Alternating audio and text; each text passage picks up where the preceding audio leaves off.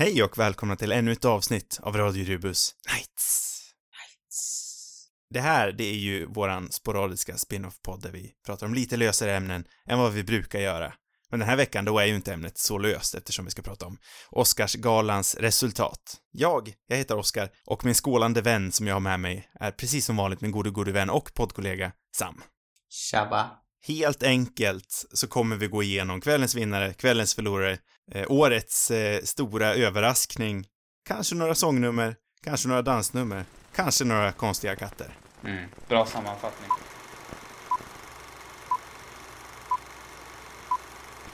Så eh, vad tyckte du om galan i, eh, i allmänhet, Sam? Den är ganska förutsägbar.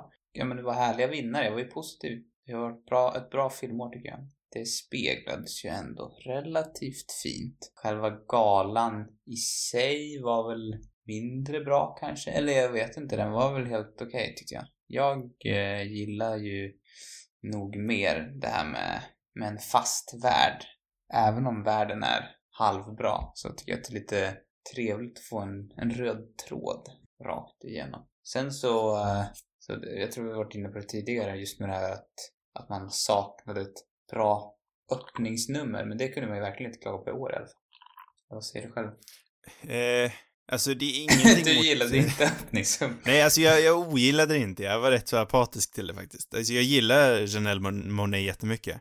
Eh, men, jag vet inte, jag hade gärna velat haft någonting lite mer så här in your face old Hollywood, det här är film vi snackar om, nummer. Det var jättemycket film i numret ju. Jo, men jag vet inte, mer old Hollywood om man säger så. Lite mer så här traditionellt eh, sång och dansnummer liksom, vilket det var ett sång och dansnummer, det kan jag inte ta ifrån henne. Men eh, absolut, det var, det var dugligt. Jag tyckte det var ett jävla drag ändå. Jag, jag gillade det. Det var nog det bästa, tror det var det bästa sångnumret. Ja, ja, definitivt. Jag minns inget annat som var bättre i alla fall.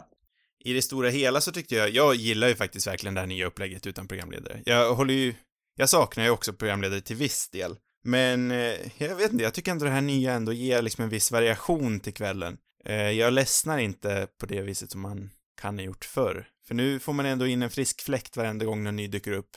Gillar man inte, eh, gillar man inte Steve Martin och Chris Rock, ja men då kommer eh, Maya Rudolph och Kristen Wiig om ett tag.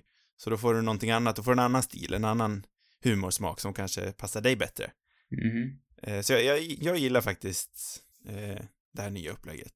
Men jag blir inte heller upprörd om det blir så att det kommer en programledare igen i framtiden. Det är ju också någonting traditionsenligt med det som är lite kul. Ja, tradition, tra ja, jag, man kan ju gilla, Hollywood är ju ändå liksom en jäkla traditionsbomb. Nej, jag vet inte. Mm. Men det är nog inte tradition, just av tradition, bara av tradition som jag vill ha utan det är kanske det är lite trevligt, lite roligt. Det är också kul om det är en dålig programledare tycker jag, för att det blir också någon sorts underhållning. Någon som, som inte riktigt lyckas. Eh, det blir också lättare att recensera om det är en, en annars det, kan jag i sig recensera folks eh, korta uppträdanden eller liksom en och en, men det, det är lättare att, recensera en person som håller i alltihopa. Ja, vi har ju några utstickare vi skulle kunna prata om. Ska vi välja en favorit? Ja, mina favoriter var, jag, jag vill ju, om vi någon gång ska ha en ledare igen så skulle jag ju faktiskt gärna vilja se Maya Rudolph. Du gillar inte riktigt henne, fick jag reda på under kvällens gång, men jag tycker Nej, att henne nu och... tycker jag ändå att du överdriver. Nu smuts... Eller det låter som att jag ogillar henne nu. Ja, Ja, jag tolkade det lite så. jag sa att hon var medioker. Det är ja, inte det att skulle jag ogilla. nästan säga. Nej, Att- nej, jag tycker du Ja. överdriver. Ja, det tycker inte jag. Hon, är- ja, det är en tolkningsfråga såklart, men, men jag tycker inte att... Jag tycker det finns många som är mediokra, men jag ogillar dem inte. Till exempel... ehm, eh, vad heter han? Den här stora gubben. James Corden. Will Ferrell till exempel. Will Ferrell. Han, han är, jag har faktiskt börjat gilla honom lite grann nu, men han har jag ju ogillat tidigare. Och det är inte att jag bara tycker att han är medioker. I och för sig så ogillar jag honom kanske delvis för att jag tycker att han är medioker. Men eh, Rudolph har jag faktiskt inget emot. Nej, för, för mig är hon liksom definitionen på det jag vill att en Oscarsvärd ska vara. Hon är den här multi... Hon kan sjunga, hon är jätterolig och hon... Ja, men hon har verkligen alla de här, eh, alla de här egenskaperna som en perfekt programledare för en sån här gala ska ha. Och tillsammans med Kristen Wiig här så, jag tror inte att Kristen Wiig skulle leda den här galan, även men om de två ihop hade varit perfekt också. Men jag skulle också vara väldigt, väldigt nöjd med en ensam Maya Rudolph. Mm. Ja. Eh, men jag, eh, deras eh, presentation var i alla fall eh, det roligaste för min del. Hade du några presentatörer som var bäst? Min favorit var James Corden, tror jag. Ja. Alltså, jag hörde att du var på gång där och skulle håna honom. För han Nej, alltså jag tyckte också du det med, var, med det glädje. var roligt faktiskt. Vad sa du för Eller, tycker du bara att han är medioker eller är det så att du skulle säga att du ogillar honom?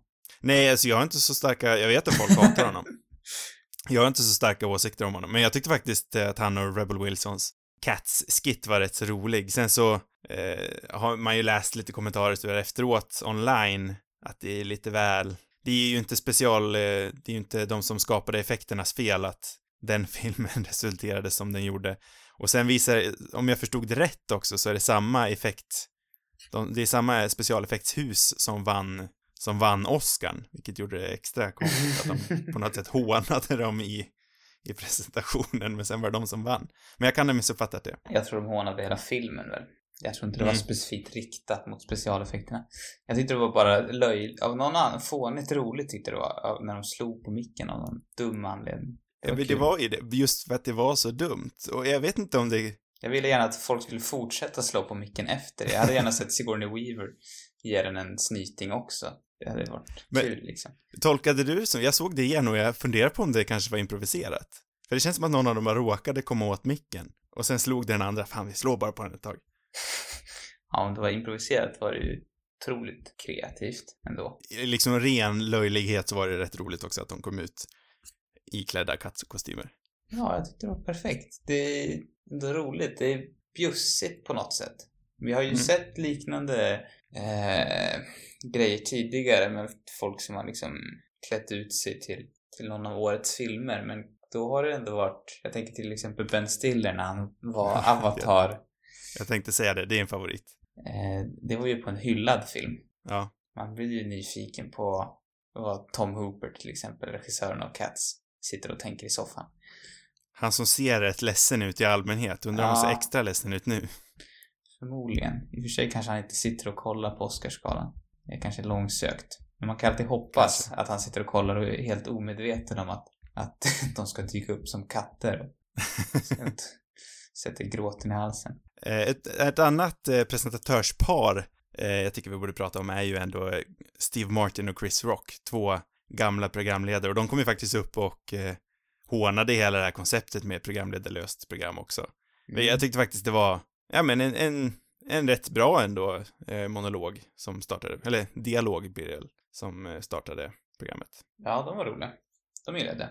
De, de var roliga. Har de jobbat tillsammans någonting tidigare? Alltså då, det har de säkert gjort, men inte på rak arm. Men Jag tyckte de hade en, en härlig kemi i alla fall. Mm.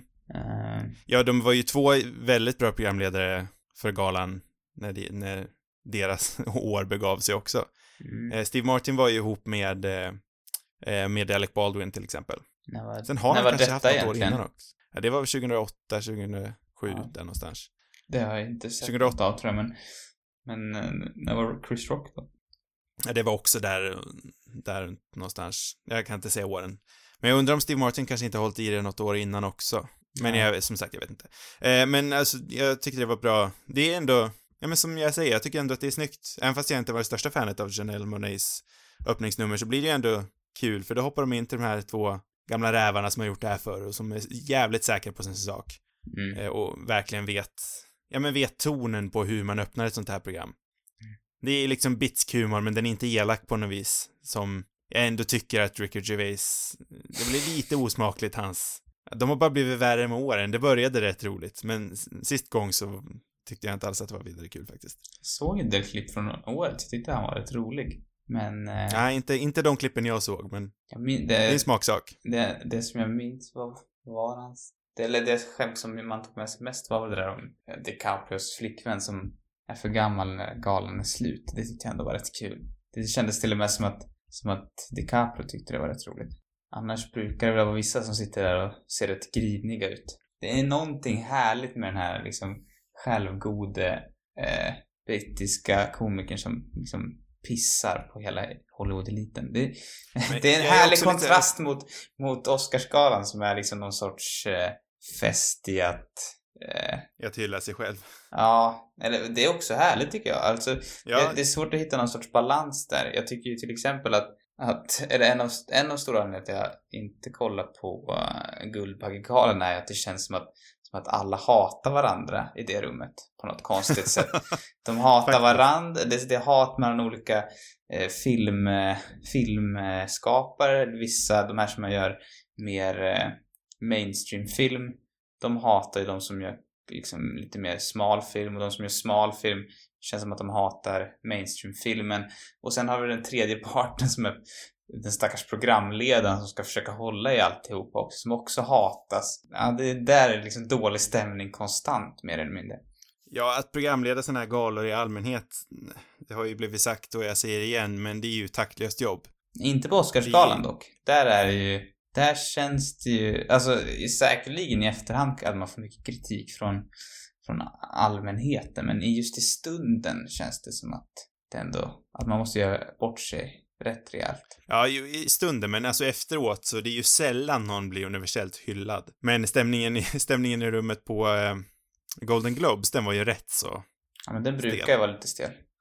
Men det, Men den var ännu stelare i år, för han var ju liksom på en helt ny nivå av bitskhet. Jag tycker de alltid säger det. Jag tycker det låter lite gnälligt. Men Ah, ja, det var, det var, det var lite extra i år. han sparkar ändå neråt. Eller han är för del, fast han känns... Jag, jag, jag tänker, han är ju fan en del av dem själv, så jag förstår inte riktigt vad... Nej, men han, han sparkar i jämn höjd. Det är väl ändå okej. Det är ju oftast också, Ja, det är, det är jag- de här som är, han sparkar ju ändå inte på de som är liksom, det känns, eller min käns eller vad mitt minne så är det ju inte de uppkommande nya skådisarna som får mest skit. Det är ju de här Nej, trogna. Det är Tom Hanks och Meryl Streep som Ja. de pissar på. Och det kan väl för en gång skulle vara lite kul att få se tycker jag. Och de borde ju ändå kunna ta det. Men vi, vi är olika där. Vi kanske ska prata mer om Oscarsgalan istället. ja, eh, vad, om vi rör oss lite mer hemåt, eh, vad tyckte vi om TV4s satsning på det hela? Det är väl skönt att inte behöva ha en sladdrig stream, Mm. tyckte jag. Och inte behöva skaffa Aftonbladet plus. Det är ju inte någonting värt att ha om vi ska göra antireklam.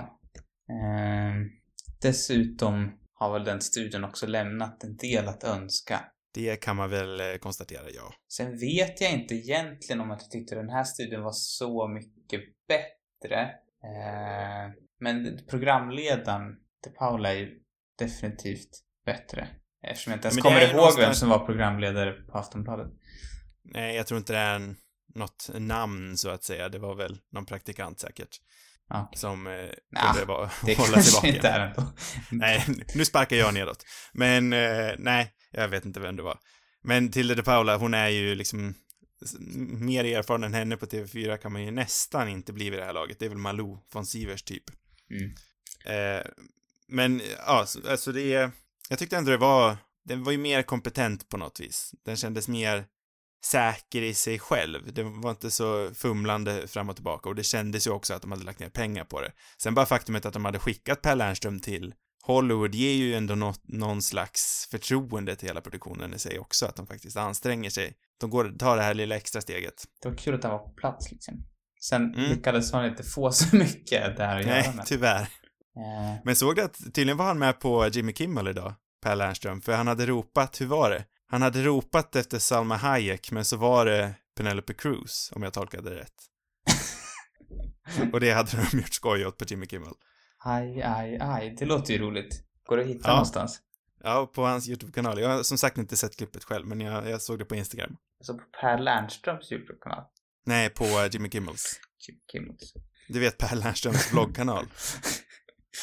Nej, men det tråkiga var väl med kvällen att TV4 måste ju ha reklam, det förstår man ju. Så det var ju, då blir det en uppoffring, en uppoffring att man får ju inte det här kommentarspåret under tiden USA har reklam. Och det är ju förståeligt, men som sagt lite tråkigt. Men är det verkligen det som är skälet? Det tror inte jag. Tror du inte? Nej, för att jag menar, om man exempelvis kollar... Eh, nej men det, alltså det är ändå, eller ja, nej, alltså det känns som att de borde kunna ha med det ändå. Att de borde hinna med båda, tänker jag. Absolut att de borde kunna det sända det tror på, det, men- på More, att det skulle vara utan reklam också. Ja, det är, det är väl den största kritiken jag känner, att betalar man för C More som jag gör, då tycker jag ändå att man borde kunna få se galan eh, och ha det här kommentarspåret under reklamen. Så det har du helt rätt i. Jag tror inte det. Jag har svårt att tro att det är det enda skälet att de skulle hinna med att få in eh, reklam. Men jag vet Jag, jag tänker det i alla fall, men jag... ju, de, spar, de tjänar ju bara pengar på att ha reklamställe och inte betala någon för att sitta uppe hela natten. Men sen var ju, eh, eller ja, de kan ju ha gått hem emellan. Men jag vet att Vanda, eh, du får hjälpa mig med uttalet, Bangelul, Benjilul? Bangelul. Eh, hon var tydligen på Nyhetsmorgon dagen efter, men hon kanske gick hem och sov. Fast nej, det kan hon ju inte ha gjort, för hon skulle prata om galan. Så de lär ju Ja. ändå varit kvar i huset. Jag, jag vet inte, vi kanske missade någon sändning. Det kanske fanns en sändning utan reklam också. Nej, jag, jag tror inte det, men jag kan ha fel.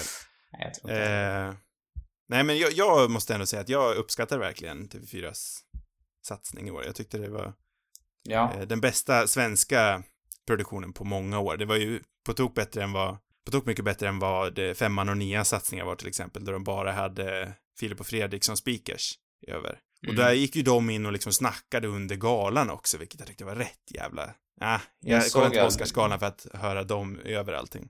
jag, jag gillar ju dem, jag hade, men jag tror ju kanske också att jag inte hade så här, i lagom mängd tror jag att jag skulle uppskatta det. Ja, men för man vill ju se på galan och lyssna på vad de säger. Jag skulle nog dock gärna se Filip Fredrik i en studio emellan, i liksom i reklampauserna. Det tror jag skulle vara kul. Mm. Kom- det här var ju så många år sedan nu, de kanske hade så också. Men jag känner, att, men jag- jag känner också att det kan vara lite rätt överflödigt med den här studion emellan varenda gång för att det, det sägs inte jättemycket intressant. Eller det gjorde inte det i Aftonbladet i alla fall.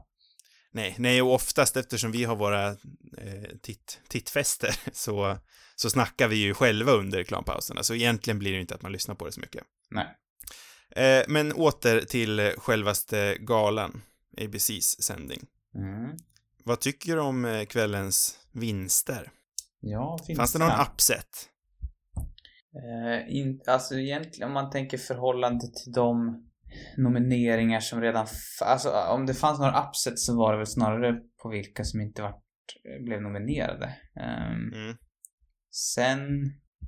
Alltså jag har svårt att bli så upprörd i, i någon kategori Ja, innan- egentligen. Alltså, eller det är delvis också för att det var så uppenbart till exempel att Joaquin Phoenix skulle, Joaquin Phoenix skulle vinna Oscar. Eh, Mm. Det hade jag ju gärna sett Adam Driver istället men, men eh, och lika med Renee Zellweger också. Jäkligt tråkigt men också väldigt väntat så det var ingenting som man blev vidare upprörd över. Och hon höll kanske det tråkigaste talet på kvällen. Slutade aldrig heller. Nej. Det- Och en sak till. Och en sista sak. Det var också som att, för hon kom väl upp också efter Jacqueline Phoenix, tror jag. Mm. Och det var som att hon skulle försöka göra något liknande sorts politiskt tal, men hon hade inte riktigt förberett ett sånt. Så hon wingade det lite grann. Det var känslan. Ja, Och hon Ja, pratade det- ännu längre, fast det var, inte hade något, utan att ha något manus. Jag håller helt med dig. Men eh, vi har ju faktiskt en överraskning, för jag håller med dig. I det stora hela, en rätt liksom, ja men det gick ungefär efter tippningarna. Men vi måste ju ändå säga det att Parasits stora vinst som bästa film, det var ju ändå en chock. Ja, Eller under Eller, kväll, så här kan kanske man inte säga, en under kväll... chock, men, men eh, det var ändå lite överraskande.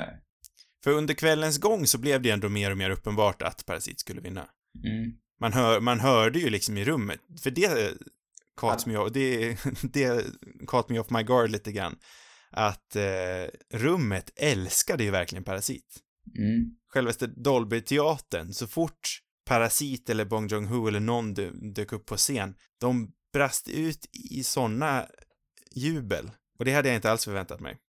Så någonstans under kvällens gång, ju mer priserna vann och ju högre jublen blev och ju mer man såg liksom hur Brad Pitt och, och Jane Fonda och alla de här blev superglada så fort han dök upp, då fattade man nästan att de har ju, de har ju tusan röstat på Parasite allihopa. Ja, hade man fått live eh, röst, ändra sin röst, eller så sin tippning så hade man ju ändrat den till Parasit. Mm. Men eh, Men... det är klart man alltså, kände väl till att den, att den liksom var uppskattad. Den mest uppenbara vinnaren var väl 1970. Nej, för vi sa ju det, jag lyssnade på vad vi sa på slutet på vårt tippningsavsnitt. Vi sa ju det att det är ju 1917 och Parasite står emellan, men allting just då tyder ju verkligen på att det var 1917 som skulle ta hem det. För den hade ju vunnit, ja men många av de andra stora priserna. Mm. För innan det, för några, bara en månad sen till exempel, då var det ju nästan ingen som trodde på 1917. Men sen när den successivt började vinna de här stora priserna, Bafta, Golden Globe, då vart den ju verkligen den stora favoriten. Mm. Men sen på något vis så klättrade det lilla eh, Parasite upp sig igen. Ja, det var, det var väldigt roligt tycker jag. Att, eh, Och man är ju inte ett dugg upprörd över det, alltså det är superkul verkligen. lite upprörd. Är du inte det? Jaså, det är du? Nej, inte dugg. jag skojar. Nej. Varför skulle jag vara det? Det är min favorit. Fortfarande. Mm. Nej, men det känns ju också som ett, verkligen Men det är ett möjligtvis man statement. blir besviken för att det har varit, det känns som att de bästa filmerna brukar inte vinna bästa Nej. Oscar. Så jag var liksom börjat omvärdera filmen nu och tänka så här, ah, den kanske inte är så bra ändå. Av någon konstig anledning. Det är nu den har kommit och blivit mainstream och då tappar du den. Ja, men det tycker jag ändå att man har känt länge att den, och det var väl också det som talade för den tycker jag, att Mm. den har, tycker även i Sverige att man har hört rätt mycket prat om den. Och vilket inte Mm. är till va- vanlighetens skull när det gäller sydkoreanska filmer. Nej, alltså den är ju fantastisk, så... eh, Det spännande är vad det är det- som har fått den att liksom eh, att slå så stort. Mm. Eh, det har jag inget svar på men, men jag tänker man kan spekulera i det kanske. Eh, Varför den har slått så stort? Ja, ehm, Alltså, jag tror faktiskt... för att jag menar det har ju kommit en hel del bra filmer i liknande genre och eh, av eh, ja men av liknande filmskapare från Sydkorea tidigare som, som har inte varit så här bra kanske men mer eller mindre. Eh, Jag tror att det är... eh, Dels handlade ju filmen om... Den hade helt rätt tematisk handling för det här året, vilket andra filmer också hade. Men den som kanske tippar över eh, Bong Joon-Hos till eh, vinnarpositionen är ju möjligtvis det att han är sånt stort filmfan själv. Han är ju en filmmänniska och många i filmbranschen är ju kompis med han. Quentin är ju kompis med han, Edgar Wright är kompis med han. Eh, sen är det ju må- många fler som röstar än bara de här. Men jag tror bara faktumet att han ändå är så pass omtyckt och faktiskt nära vän med vissa ändå, tror jag ändå liksom talar gott för han. Alltså jag tänkte mer i en, i en alltså publikmässigt varför, en, varför det snackas om den i Sverige liksom. I och för sig kan ju även den aspekten vara, vara del i det på något vis att, att det är en filmskapare som på något sätt är uppskattat av kollektivet, jag vet inte men jag tänkte mer på, på filmen i sig. Vad är det som har Mm. gjort att, att en sydkoreansk film eh, som på pappret känns rätt smal ändå Eh, Även om Mm. den inte är det. Men för internationella eh, biobesökare. Vad är det som har Mm, gjort mm. att, att den ändå har... I och för sig, jag uppskattar den bara som, som att den har... Som att den kanske inte alls har gått bra på bio. Men det känns som att det har pratats lite mer om den än, än vad det vanligtvis gör. I och för sig är det kanske delvis för att den har, har varit i tidiga snack om de här, i de här prisskalorna. Eh, men jag tror också att det är just den här kombinationen av, av eh, underhållning i, liksom, någon sorts merch mellan en massa, olika genrer. Och, eh, och samtidigt ha det här budskapet på något sätt. Ja, och så som du säger, alltså, den har ju blivit nominerad för mycket, den har varit stor favorit i mycket. Så den har ju ändå liksom haft snack nu ett bra tag. Det är ju, alltså inget är ju så bra PR som en, en Oscar-vinst. Eller en Bafta-vinst, eller... Nej. Och jag, var den, det jag antar att den var nominerad för bästa utländska film i, på Guldbaggen också. Ja, jag tror Jag, det. jag kan bara gissa det i alla fall. Men, eh, Sen ska man ju komma ihåg Ja, att den också vann, vann i Cannes, vilket ändå är en precis. något sätt viktig liksom första grej. Men att en film har vunnit i Cannes är ju inte, är ju inte alltid en garanti för, för publikframgång. Nej, jag, jag vågar faktiskt inte heller riktigt... Eh, jag, jag kan inte sätta ett svar på frågan, men antagligen är det ju någon slags kombination av allt det jag har sagt nu. Den Mm. har vunnit mycket priser, den har liksom ändå...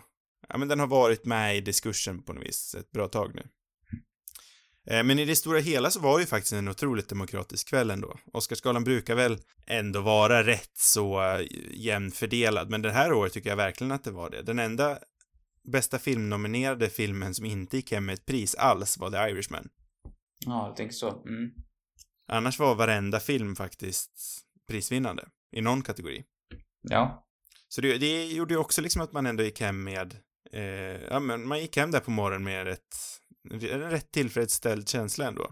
Jag kan ju dock gilla sy- när en film gör en sån där enorm stor slam också. Ja, Om den är värd en sån då. Ehm, en sak som kritiseras med, med, också med Parasite är väl att skådespelarna inte har fått några nomineringar. Och eh, och när de har fått det så har det varit för en, en ensemble som en helhet. ja, det i och för sig var ju häftigt också. Eh, men eh, att de inte får de nomineringarna känns också som att det har väldigt mycket om... Om det är någon kategori på Oscarsgalan som känns mest business så är det väl inte skådespelarkategorierna. Mm. de känns ju alltid... Eh, ja, men det är som att det handlar, handlar väldigt mycket om vilka som har... Det är som att branschen nästan har bestämt. De som betalar mest får in sina... Inte för att, de är, inte för att det är dåliga prestationer som brukar hamna där vanligtvis, men, men det är ändå... Det är inte så mycket oväntade liksom, roller som dyker upp. Det håller jag ju faktiskt med dig om. En, för mig kanske den största chocken ändå faktiskt som vinnare. Nu har inte ens jag sett den filmen men det var att Toy Story 4 vann. Bästa animerade film. Det kändes Otrolig chock för mig med. Sen kanske den, den kanske var i snacket. Eh, Jag har inte sett bra koll på de animerade filmerna men, men det förvånade mig. För att jag har hört att den... I och för sig så tyckte du att den var rätt bra men, men det känns som att många andra har varit förvånade över att den ens var nominerad. Ja, och jag tänkte också Frozen 2 var inte ens nominerad, så någonstans funderar jag på om animations... Eh, vad ska man kalla den för? Animationssektorn eh, av röstarna. Om de kanske gjorde något slags anti-Disney-statement när de inte nominerade den. Åh, tror du det? Är det något sånt Nej, härligt? uppenbar, uppenbarligen inte eftersom en Pixar-film Ja, vann. Men det var det jag funderade på i början, Fan. innan galan. Ja, det, ja, det var dumt tänkt av mig. Men Det är också synd, för Klaus är väl handanimerad, va? tror du det? Jag har för mig att det är någonting med animationen i den som ändå är rätt eh, traditionsenligt. Det måste vara animation, alltså datanimerade inslag i den. Det jag har svårt att tro att det inte är. Men det är något eh, traditionsenligt med anima- animationen i den som ändå... Just Eh, det, det är en film som de har något. jobbat på otroligt länge va? Mm. Så det, det kändes också någonstans som en värdig vinnare på något vis. Så jag tror jag, jag tänkte, anledningen varför jag valde den också är för att, som sagt, de här mindre kategorierna känns det ändå som att de är mer branschfokuserade och då tänkte jag att animationssektorn eh, såg väl kanske upp då till Klaus teamet och såg hur mycket arbete de gjorde och hur mycket arbete de la ner på den här filmen. Som Mm. faktiskt visade sig vara riktigt bra också. Mm. Så det kan jag hålla med dig om, hålla med dig om. Det var ju faktiskt årets upset ändå. Vad var det som vann för bästa specialeffekter? Kommer du ihåg? Det var 1917. 1917? Nej, det kan man inte heller klaga på. Den, eh, alltså, jag har varit väldigt tacksam, eller vilket som kändes, egentligen borde vara en självklarhet. Och kanske var en självklarhet, det var väl att Dickens vann igen. Men vi snackade lite grann om det där att man kände lite att han skulle vinna så kort in på igen när han under så många år inte hade lyckats vinna. Det var lite, Mm. det var ändå trevligt men det hade ju varit galet om någon annan hade vunnit också. Ja, alltså han var ju otvetydigt den bästa i år. I och för sig så vann ju, vad heter han för någonting? Inaritos fotograf. Ja, eh, Lubeski. Chivo. Chivo. Han vann ju typ tre år i rad nästan, känns det som. ja, just det, det gjorde han ja. Så att jag vet inte om den teorin eh, håller egentligen riktigt överhuvudtaget. Nej. Nej, men eh, som sagt, alltså han är, han skulle kunna vinna var, varenda år för min del. Ja, Han kan knappt göra något fel, Dickens. knappt något. Eh, innan vi rundar av så tänker jag ju kanske att vi eh, kan gå igenom resultaten från kvällen, för vi tippade ju förra veckan. Eh, jag Mm. eh, fick sammanlagt eh, 16 poäng. Helt dugligt ändå. Mycket dugligt. Det var några som överraskade mig, men ingen sån där. De som vann, de, de som jag hade tippat fel på kände jag ändå var rättvisa när de vann, så jag är inte upprörd alls. Hur många poäng fick du? Jag är lite dugligare med 18 poäng. Ja, det är 18 av 24, det är ändå rätt bra. Mm. Det tycker jag du ska vara stolt över. Jag ger dig en klapp på axeln och eh, grattis till vinsten. Ja. Nästa vecka så är vi tillbaka med ett eh, vanligt avsnitt igen. Det blev ju bara två avsnitt där efter alla julspecialer till den här, eller till de här två. Eh, men nästa vecka är vi tillbaka med ett vanligt avsnitt och då är det ju jag som väljer film. Och vet du vad, jag har ju tänkt efter lite här och jag tänkte välja en otroligt passande film. Mm. Det låter Nämligen- ju spännande. Ja, nämligen den eh, Oscarsvinnande regissörens, inte hans första film, men en av de första, Memories of Murder. Jag tror väl att det är den som varit hans första internationellt uppmärksammade film. Men det kan jag också fel på. Bong Joon-Ho's Memories of Murder såklart. Eh, den finns på YouTube om den är jävligt svår att få tag på. Den är skitdyr om man ska köpa den på Amazon. Jag tror det är typ 800 spänn för en DVD. Eh, kanske Men det är om vi värt. alla håller, om vi alla håller det hemligt att den finns på YouTube i rätt bra kvalitet så, så kan vi kolla på den där. Nej, nights. Nights. Eller Fler avsnitt. Det hittar ni ju precis som vanligt på cinemarubus.com. Där finns alla gamla avsnitt också. Eh, men eh, också på iTunes, eller Apple Podcasts, Spotify och andra ställen där poddar finns. Har ni frågor och vill ha svar så skickar ni som vanligt in dem till cinemarubus.gmail.com Sociala medier, det har vi också, det heter vi Cinemarubus på Instagram och Twitter. God natt allihopa. god natt.